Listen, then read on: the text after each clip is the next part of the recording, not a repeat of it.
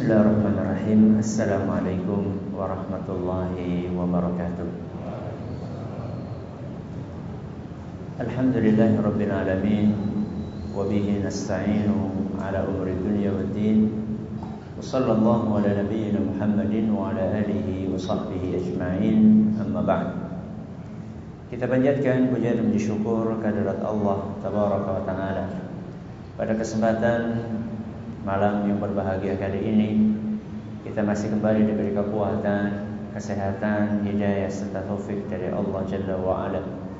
Sehingga kita bisa kembali menghadiri pengajian rutin malam Sabtu di Masjid Jenderal Sudirman Purwokerto ini. Kita berharap semoga Allah Tabaraka wa taala berkenan untuk melimpahkan kepada kita semuanya ilmu yang bermanfaat sehingga bisa kita amalkan sebagai bekal untuk mengharap kepada Allah Jalla wa Ala. Amin ya rabbal alamin. Salam dan salam semoga senantiasa tercurahkan kepada junjungan kita Nabi besar Muhammad sallallahu alaihi wasallam kepada keluarganya, sahabatnya serta umatnya yang setia mengikuti tuntunannya hingga akhir nanti. Para hadirin dan hadirat sekalian yang kami hormati dan juga segenap pendengar Radio Insani 102.2 FM di Purbalingga, Purwokerto, Banjarnegara, Cilacap, Wonosobo dan sekitarnya. Para pemirsa Yufi TV yang semoga senantiasa dirahmati oleh Allah Subhanahu wa taala. Pada pertemuan yang lalu kita telah mengakhiri pembahasan tentang hak yang pertama di antara sesama muslim yaitu menjawab dan mengucapkan salam. Setelah kita menyelesaikan pembahasan tentang salam, maka kita akan melanjutkan pembahasan tentang hak yang kedua yang disebutkan dalam hadis Bulughul Maram yang berbunyi hakul muslimi 'alal muslimi sittun hak muslim atas muslim yang lainnya ada berapa? Ada enam. Berarti kita baru bahas satu, ya, yaitu yang berbunyi idza laqitahu fasallim alaihi. Kalau engkau bertemu dengan saudaramu maka ucapkanlah salam. Saya perlu menggarisbawahi kata-kata hakul muslimi alal muslim hak muslim atas muslim yang lainnya.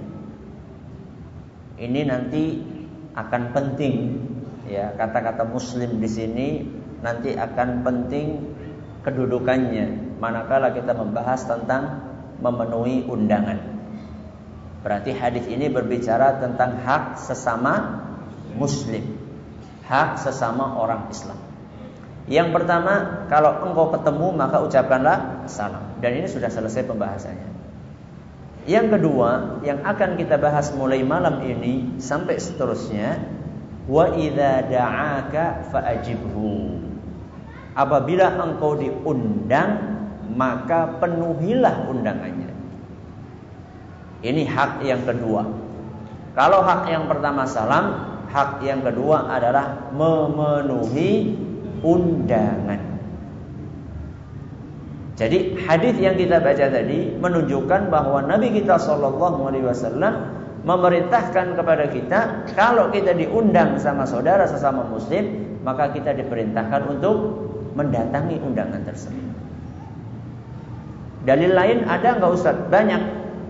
Di antaranya dalam Al-Quran yaitu firman Allah Subhanahu wa taala di surat Al-Ahzab ayat 53. Dalam surat Al-Ahzab ayat 53 Allah Subhanahu wa taala berfirman, "Ya ayyuhalladzina amanu" Wahai orang-orang yang beriman, la tadkhulu buyutan nabiyyi illa an yu'dzana lakum ila ta'amin ghaira nadhirina inah.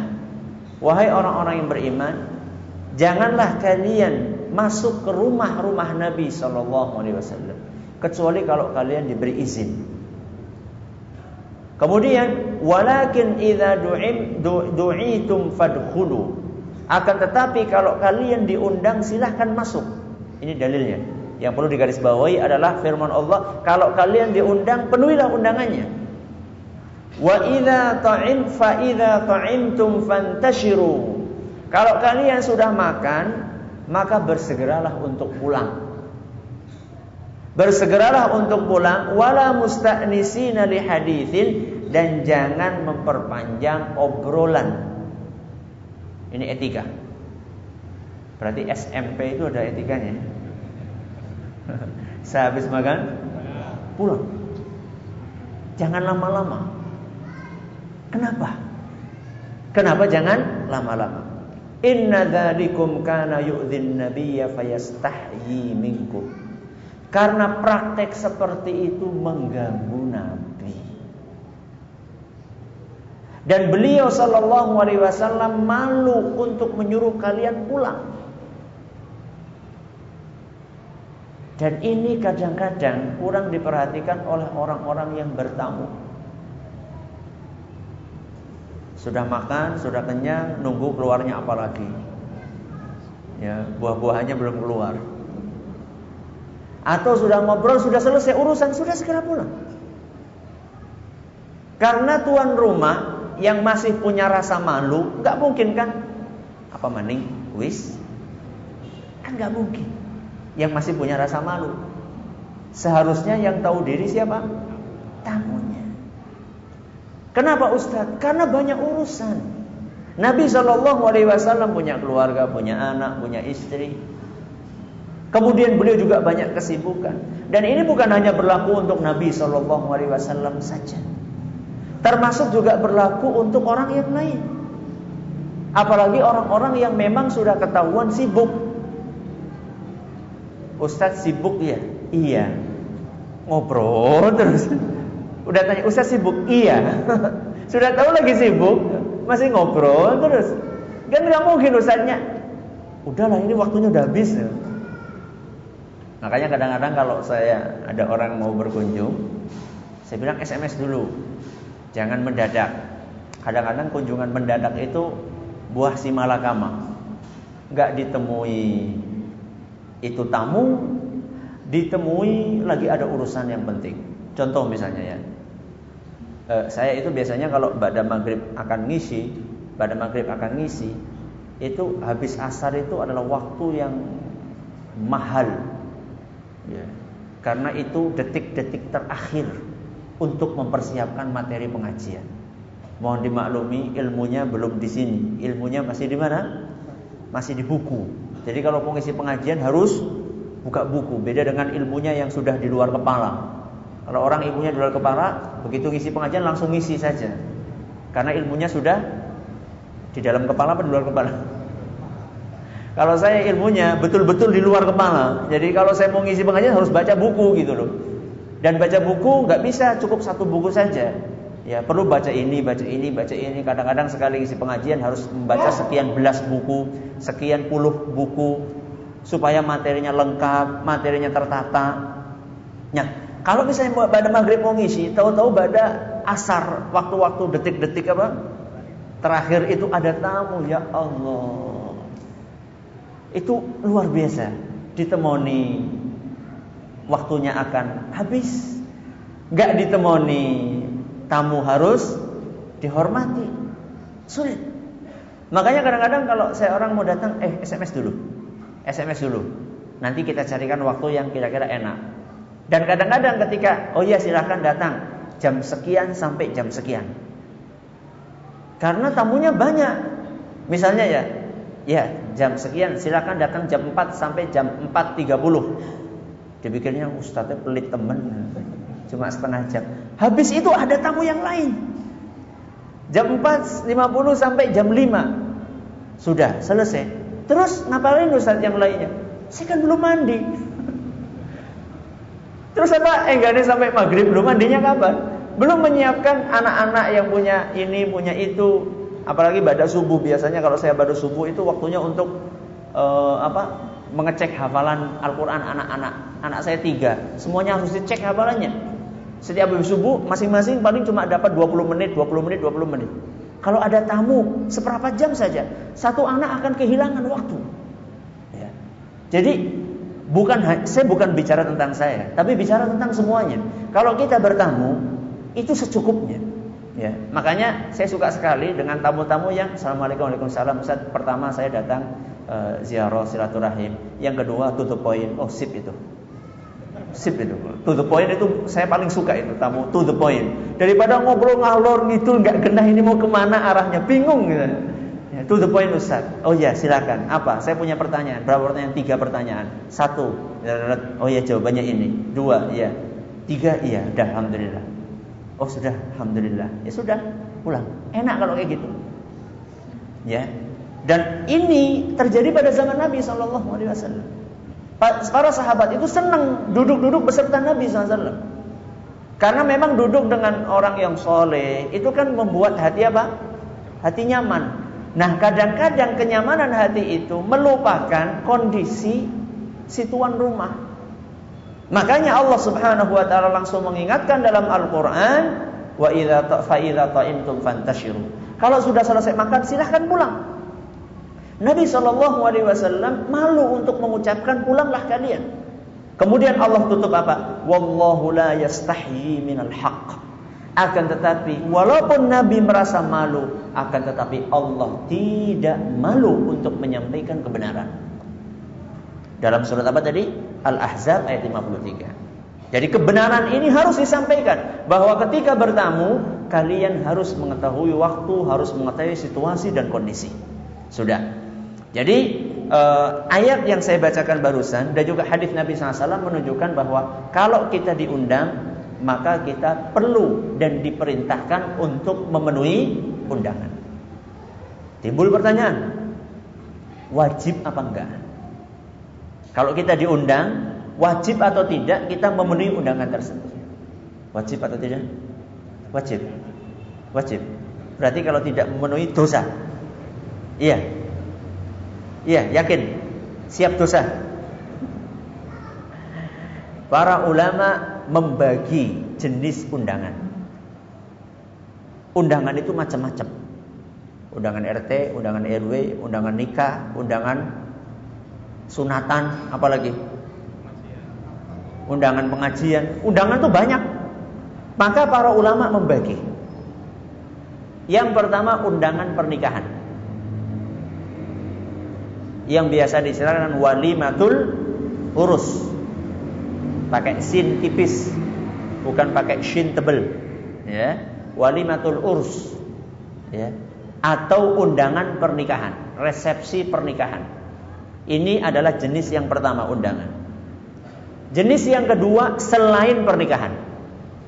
Selain pernikahan berarti dia semuanya sunatan, hajatan, sing tantan gue loh. Syukuran, apa semuanya selain undangan pernikahan. Yang pertama, undangan pernikahan. Undangan pernikahan menurut mayoritas ulama. Menurut mayoritas ulama hukumnya wajib untuk memenuhi undangan. Itu kalau jenis undangannya adalah undangan pernikahan. Apa tadi istilahnya? Walimatul urs. Ya. Wajib memenuhi undangan pernikahan. Ini menurut mayoritas ulama. Ini jenis yang pertama. Nah, kalau undangan-undangan yang lainnya selain pernikahan, yaitu apa? Sunatan, hajatan, macam-macam ya, selain pernikahan, undangan RT, RW, makan siang, ya, lunch, eh, iya makan siang lunch benar ya. Ya, lunch atau dinner ya. Oh ya undangan makan biasa lah ya. Undangan makan biasa, syukuran rumah baru, syukuran mobil baru. Wong Indonesia kan senengnya apa? Syukuran ya. Mobil baru syukuran, rumah baru syukuran, apa lagi? Apa? Punya bayi syukuran, nah, walimah apa namanya? E, bukan walimah apa? E, akekah ya. Nah, selain itu, selain undangan pernikahan, maka hukumnya sunnah. Hukumnya sunnah. Jadi beda antara undangan pernikahan dengan undangan non pernikahan. Saya ulangi, dibagi secara global menjadi berapa undangan? Dua. Yang pertama undangan nikahan, yang kedua selain nikahan. Kalau undangan nikahan apa hukumnya? Wajib menurut mayoritas ulama. Berarti kalau saya katakan mayoritas ulama ada ulama yang berbeda. Akan tetapi insya Allah pendapat yang terkuat, insya Allah wallahu alam adalah pendapatnya mayoritas ulama ini yaitu wajib. Adapun selain pernikahan maka hukumnya sun sunnah. Sudah. Timbul pertanyaan. Kenapa kok ulama beda-bedakan? Antara undangan pernikahan dengan yang lainnya. Kenapa dibedakan?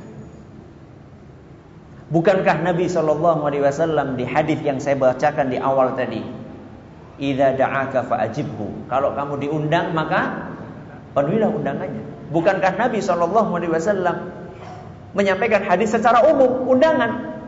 Nabi di situ tidak mengatakan undangan apa, undangan apa, enggak. Undangan berarti mencakup semuanya. Kenapa ulama membedakan antara undangan pernikahan dengan undangan selain pernikahan? Tentunya ketika ulama membedakan itu pasti mereka pakai dalil. Apa dalilnya? Dalilnya adalah hadis-hadis Nabi Shallallahu Alaihi Wasallam yang secara spesifik memerintahkan kita secara tegas untuk menghadiri undangan pernikahan. Ada perintah yang secara khusus dari Nabi agar kita menghadiri undangan pernikahan dan ancaman untuk orang yang tidak menghadiri undangan pernikahan. Jadi pertama perintah tegas, yang kedua apa? Ancaman. Kalau nggak hadir maka begini. Ada ancamannya. Ini berlaku pada undangan pernikahan. Adapun undangan-undangan yang lainnya tidak ada. Sifatnya cuma anju, anjuran. Dari sinilah kemudian para ulama membedakan antara hukum menghadiri undangan pernikahan dengan undangan yang lainnya. Kalau dalil yang tegas memerintahkan untuk menghadiri undangan walimah urus apa Ustaz? Hadis riwayat Bukhari dan Muslim.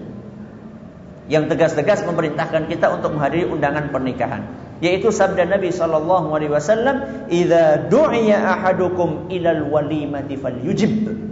Kalau kalian diundang kepada walimah, Walimah yang dimaksud di sini kata para perawi hadis di antara Ubaidullah walimatul urus.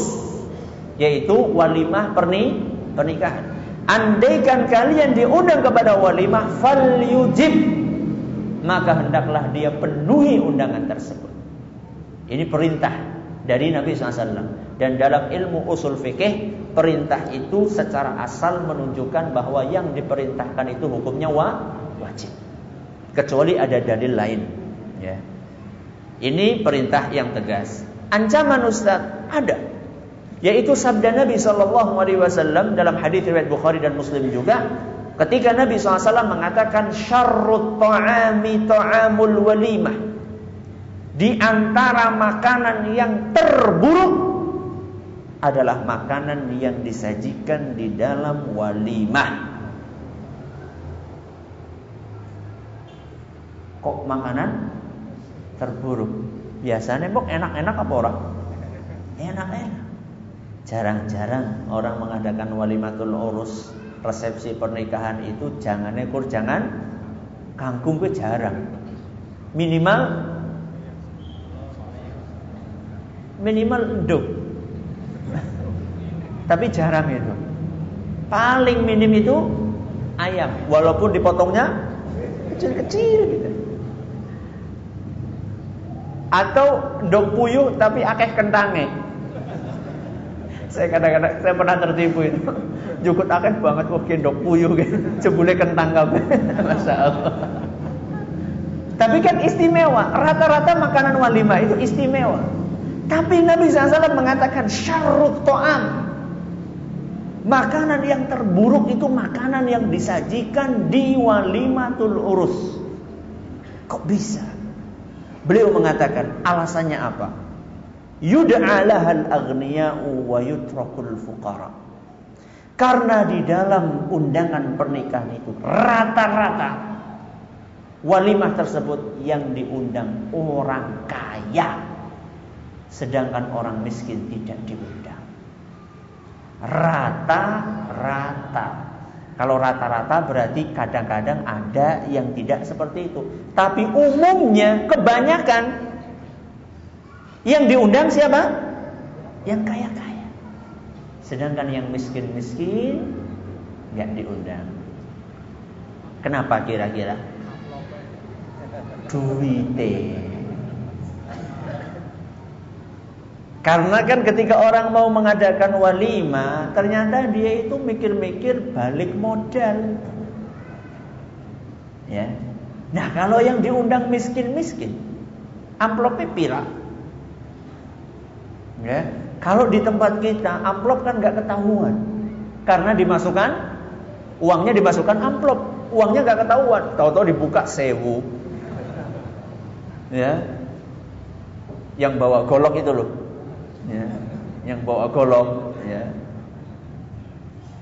Nah ini kalau seribu yang diundang, nah misalnya yang diundang seratus orang miskin, semuanya masukannya seribu, berarti cuma dapat seratus ribu. Kalau yang diundang orang kaya satu orang ngasih seratus ribu, kan sudah mikir tuh kalkulasi matematisnya, ke ayam sepira, terusnya. Padahal orang kaya itu sebenarnya di rumahnya sudah banyak makanan yang seperti itu. Bahkan kadang-kadang orang kaya itu menganggap, panganan pun kayak gitu. Sehingga makannya sedikit gitu. Jaim. Ya, jaga image. Ya. Kalau saya lapar ya makan aja. Ngapain jaim-jaim ya. Dan ada sebagian orang makannya sengaja disisain supaya nggak kelihatan geragas kan. Ya, supaya sebagian disisain supaya nggak kelihatan orang kayak orang kelaparan. Ngapain? Makan aja sampai habis, bersih. Udah, ngapain kita malu-malu? Mubazir kalau kita buang. Kembali kepada tadi. Rata-rata yang diundang orang kaya. Orang kaya itu tidak butuh. Nggak terlalu butuh dengan makanan yang seperti. Karena setiap hari dia makan. Justru yang butuh siapa? Orang-orang miskin. Orang-orang miskin yang jarang ya yang jarang untuk memberi, eh, yang jarang untuk makan makanan yang seperti itu. Makanya ini adalah anjuran dari Nabi SAW. Isyarat dari Nabi SAW bahwa kalau kita mengadakan walimah, kalau ingin barokah, kalau ingin apa? Barokah, maka perbanyaklah undang orang-orang miskin. Ya, orang-orang miskin yang soleh-soleh tentunya. Ya, syukur-syukur yang soleh-soleh, walaupun nggak miskin, nggak walaupun miskin nggak soleh nggak apa-apa. Syukur-syukur bisa dikasih nasihat supaya dia mau sholat dan seterusnya. Itulah yang seharusnya mendapatkan prioritas untuk kita undang. Dan tidak harus ngasih amplop itu nggak harus. Ada sebagian orang, subhanallah, ini kejadian nyata. Ini saya dikasih cerita. Ada orang setiap salaman kan biasanya terakhir salaman gitu ya. Salaman, kemudian ada amplop, amplop. Nah ini ada satu yang hadir itu lupa nggak bawa amplop, lupa nggak bawa amplop. Ketika salaman kan kosong gitu, ya. Kemudian dia langsung, eh, nanti ke, tiba apa ya? Kira-kira yang yang itu malu apa enggak? Dia cari di bawah ternyata nggak ada. Ya, mungkin mungkin dia bukan bermaksud mempermalukan tuan rumahnya, tapi dia pikir memang betul-betul dia bawa amplop, cuman amplopnya jatuh dicari di bawah ternyata nggak ada amplopnya. Ya malu banget toh orang yang ya kalau memang loh, jenengan itu ngundang maksudnya apa? Maksudnya hanya untuk mendapatkan amplop itu atau bagaimana? Kalau di daerah Jawa Timur, di daerah apa? Jawa Timur, itu kalau menurut saya itu lebih apa ya? Lebih vulgar di sana. Jadi kalau kita berkunjung menghadiri walimah itu ada juru tulisnya. Ada juru tulisnya. Sebagian nggak tahu Jawa Timur semuanya atau sebagian Jawa Timur. Tapi yang saya tahu di daerah yang dulu saya pernah mondok di sana. Ya. Kalau di sana ada juru tulisnya. Juru tulis itu tugasnya apa? Kalau ada orang datang, langsung amplopnya dibuka. Ya, ini ngasih berapa? Ditulis bawa apa lagi? Mie dihitung hitung mie-nya berapa? Ciro ma. Tulis mie 5 telur berapa biji? Tulis. Beras berapa? Rapi? Tujuannya apa? Engkau nek nyong diundang neng kok aku harus ngawai pada kayak gue? Kalau saya diundang sama kamu saya akan ngasih mirip. Sehingga catatan itu akan terabadikan di rumah. Jadi kalau saya ada undangan dilihat. Wah, ini pas saya undang ini gak datang. Sorry, Atau undang lihat, Jan, rong puluh ibu. Besok saya datang ngasih segitu juga. Subhanallah. Fenomena seperti ini sampai diangkat menjadi sebuah skripsi. Ya. Sampai diangkat menjadi sebuah skripsi tentang fenomena apa ya? Uh, ada udang di balik batu. Ada udang di balik batu. Ini adalah makanan walimah. Kenapa? Jelek kata Nabi SAW. Kemudian Rasulullah SAW bersabda, "Waman taraka da'wata." Ini yang ingin saya garis bawahi. Barang siapa yang tidak memenuhi undangan. Undangan undangan apa tadi? Walimatul urus, undangan pernikahan. Barang siapa yang tidak memenuhi undangan faqad asallaha wa rasulahu sallallahu maka sungguh dia telah berbuat maksiat kepada Allah dan Rasulnya sallallahu Hadis riwayat Bukhari dan Muslim. Inilah yang saya katakan tadi ancaman. Makanya menghadiri undangan pernikahan hukumnya nopo wajib.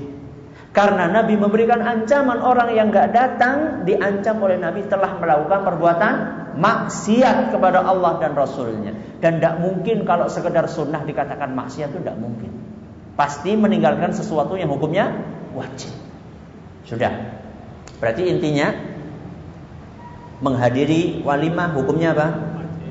e, menghadiri undangan hukumnya wajib kalau kalau pernikahan. Kalau selain itu sunnah. Taib. Timbul pertanyaan lagi. Wajib itu maksudnya dalam segala kondisi Ustaz. Atau dalam kondisi-kondisi tertentu. Misalnya Ustaz di situ ada ngundang artis Ustaz, dangdutan gitu, joget gitu. Kita diundang Ustaz, kita harus hadir. Maka para ulama berdasarkan dalil-dalil yang lain mereka menyebutkan bahwa wajibnya seseorang untuk menghadiri sebuah undangan harus terpenuhi syarat-syarat. Ini penting, ya. Ini penting sehingga kita tidak suudzon kepada orang yang kita undang kok dia tidak datang. Barangkali undangan kita tidak memenuhi syarat supaya wajib didatangi. Bahkan sebagian ulama mengatakan, kalau syarat-syarat ini tidak terpenuhi atau sebagian dari syarat ini tidak terpenuhi, maka bisa jadi seseorang bukan hanya tidak wajib, bukan hanya tidak sunnah, bahkan haram untuk menghadiri undangan tersebut. Lihat, hukum asalnya apa? wajib. Tapi kalau syarat ini tidak penuhi, maka tidak wajib bahkan kadang-kadang ha haram. Apa saja syaratnya? Tujuh. Wah, kayak teman syaratnya. Kita bahas ringkas-ringkas saja. Syaratnya berapa? Tujuh. Ayo, yang besok mau walimahan. Esi surah Ustaz. Orang apa-apa. Ya, malah untuk meluruskan pemahaman masyarakat. Ya, bahwa di bulan Muharram itu adalah bukan bulan yang sial, bukan bulan yang apes. Ya. Siap-siap, ya. Tapi kalau belum siap gak usah dipaksa. Yang penting punya ilmunya dulu. Tujuh syarat. Yang pertama, syarat yang disebut oleh para ulama di dalam acara itu tidak ada kemungkaran. Di dalam acara itu tidak ada kemungkaran. Kalau ada kemungkaran gimana Ustaz? Kalau ada kemungkaran tergantung panjenengan bisa nggak merubah kemungkaran itu? Kalau panjenengan bisa merubah kemungkaran itu, maka wajib panjenengan datang untuk memenuhi undangan dan untuk mengingkari kemungkaran. Itu kalau panjenengan mampu. Kalau tidak mampu gimana Ustaz? Kalau tidak mampu untuk merubah kemungkaran itu, maka para ulama mengatakan haram hukumnya untuk mendatangi undangan tersebut. Kenapa Ustaz? Karena kita mendatangi kemungkaran dan kita cuma diem saja di situ. Tidak memberikan masukan kepada tuan rumah. Kemungkaran itu contohnya apa? Ya tadi yang sudah saya kasih contoh tadi. Ngundang apa? Ya artis, joget-joget, pakaiannya bagaimana? Ya namanya artis, masa pakainya rapet. Artis ya rata-rata pakaiannya terbuka. Ustadz gimana Ustadz? Saya bingung ini. Ini ini yang undang saya bos saya ini gimana nih Ustadz? Gampang menyiasatinya. Gimana Ustadz? Cari hari yang kira-kira bukan pas lagi puncaknya acara. Hamin satu, Hamin dua, H plus 1 H plus 2 Biasanya acaranya wis bubar Ya orang namang aneh Ustaz Loh jenengan itu datang walimah untuk apa? untuk mencari makanan toh Atau untuk memenuhi undangan Ya, walaupun di dalam walimah memang disunahkan ada makanan betul. Ya, itu siasat, menyiasati uh, kondisi. Ya. Makanya sering kalau saya pribadi sering kalau diundang itu nyengaja Hamin satu atau Hamin dua atau misalnya resepsinya jam sekian sampai sekian saya datang pas makan saja. Ya, jadi misalnya resepsinya sampai duhur, saya datang habis duhur. Jadi bis pada kukut-kukut. Ya, bis pada kukut. Ya memang resikonya makanannya tinggal apa koret-koret gitu ya. Tidak apa-apa lah. Ya. Ini yang pertama. Di dalam acara itu tidak ada kemungkaran. Yang kedua, Sebelum saya sampaikan yang kedua, masih ingat istilah hajar? Hajar sama taklim masih ingat? Apa hajar? Memboikot, mendiamkan orang yang terkenal melakukan maksiat atau bid'ah. Kalau taklif apa? Melakukan pendekatan. Masih ingat ya? Ya. Syarat yang kedua, orang yang mengundang orang yang mengundang bukanlah orang yang harus dihajar. Orang yang mengundang bukanlah orang yang harus dihajar. Contohnya kayak Pak Ustadz yang undang orang yang terkenal ahli maksiat misalnya. Dan kalau kita menghadiri undangan dia, maka secara tidak langsung kita ikut seakan-akan mendukung maksiatnya. Bos miras padanya. Kalau kita datang, kita seakan-akan ikut melegalkan, mendukung usaha dia. Dan kalau kita tidak datang akan memberikan efek jerah kepada orang itu. Kayaknya undang ustadznya orang teka gitu. Ustadznya nggak rawuh ini gimana ini? Akhirnya, uh, kayaknya ustadznya ini nggak suka saya ini dalam pekerjaan ini. Ya wis lah, ngesuk-ngesuk akan saya tinggalkan pekerjaan ini. Berarti ada efek jerahnya. Tapi kalau misalnya ternyata panjenengan nggak datang, malah dia semakin menjadi-jadi, semakin apa? Menjadi-jadi. Dan justru kalau panjenengan datang, panjenengan bisa ngasih nasihat sama dia, maka datang. Maka datang untuk memberi nasihat. Ini syarat yang kedua. Orang yang mengundang bukan sosok yang harus dia apa tadi? Hajar. Ya. Yang ketiga, pihak yang mengundang adalah muslim. Pihak yang mengundang adalah muslim. Diambil dari mana syarat ini? Hadis yang tadi kita baca. Hakul muslimi alal muslim. Haknya muslim kepada muslim yang lain. Jadi Nabi SAW lagi berbicara tentang memenuhi undangannya siapa? Muslim. Itu baru wajib. Nah kalau yang ngundang itu non muslim Ustaz Ini gimana? Ini teman satu kantor saja Ustaz ini rekan bisnis saya Ustaz. Bagaimana kalau yang mengundang non muslim? Para ulama, jumhur ulama. Apa artinya jumhur? Mayoritas ulama mengatakan tidak wajib. Tidak wajib. Untuk menghadiri undangannya non muslim. Kata-kata tidak wajib itu kan multi tafsir. Boleh atau makruh gitu. Tidak wajib itu kan bisa jadi boleh, cuman tidak wajib atau makruh atau bahkan dianjurkan. Hanya sekedar tidak wajib saja. Para ulama berbeda pendapat.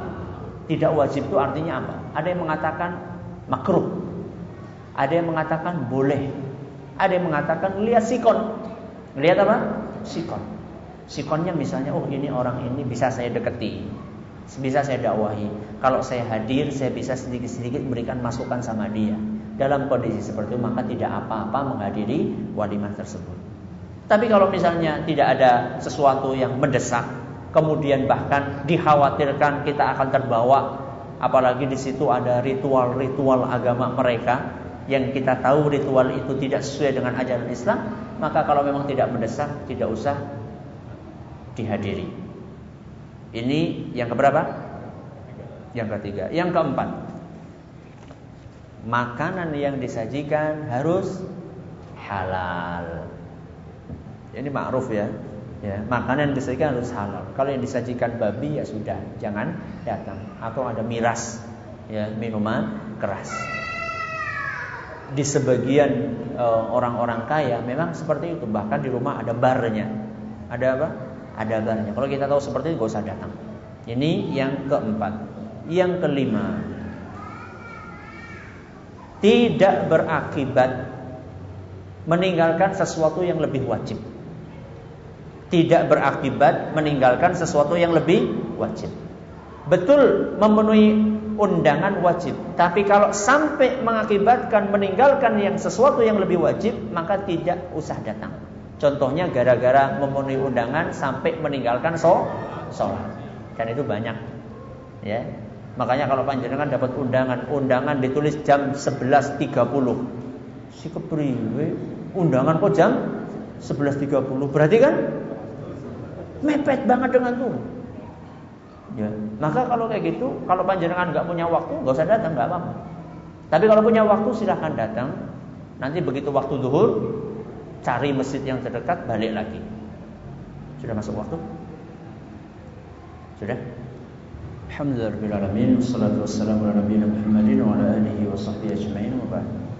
Sampai syarat keberapa tadi? Lima Tidak mengakibatkan meninggalkan sesuatu yang lebih wajib ya. Yang keenam Tidak menimbulkan madorot Tidak menimbulkan apa? Madorot Apa sih madorot? Bahaya ya. Bagi yang diundang tidak menimbulkan mandorot bagi yang diundang. Contohnya gimana? Ada orang undang luar kota. Ada orang undang misalnya dari Jayapura. Kadang-kadang ada itu undangan seperti itu. Datang ke HP Ustadz, mohon kehadiran walimah kami di Aceh misalnya. Uh. Dan ini orang saya nggak tahu ini siapa, ya. Ketika bepergian ketika menghadiri walimah itu harus melakukan perjalanan jauh dan perjalanan jauh itu mengakibatkan keluarga ditinggal. Padahal keluarga sangat butuh dengan keberadaan kita di sisinya. Apalagi kalau misalnya di antara keluarga itu ada yang sedang sakit misalnya. Ya. Misalnya ada yang sedang sakit atau yang diundang sendiri sedang sakit. Ya. Dalam kondisi seperti ini, maka yang mengundang harus berusaha untuk hus husnuzon. Apa husnuzon? Berbaik sangka. Ya. Oh kenapa nggak datang? Oh mungkin sakit, oh mungkin sibuk banget, oh mungkin ini, oh mungkin ini. Berbagai, berbagai macam kemungkinan yang dengannya hati kita akan lapang. Ini adalah yang keberapa? Yang keenam. Yang ketujuh. Anda diundang secara khusus disebut nama Anda. Itu syaratnya supaya wajib. Anda diundang dengan disebut nama Anda secara khusus.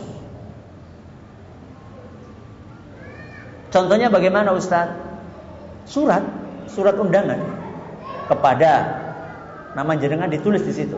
Berarti kan secara khusus jenengan diundang. Yang tidak khusus kayak apa Ustaz? Kayak gini misalnya. Saya lagi di sini kemudian saya mengundang jamaah sekalian untuk pernikahan menghadiri pernikahan anak saya masih kecil-kecil ya. Saya udah nikah juga. Pernikahan siapa ya? Hah? Pernikahan kedua?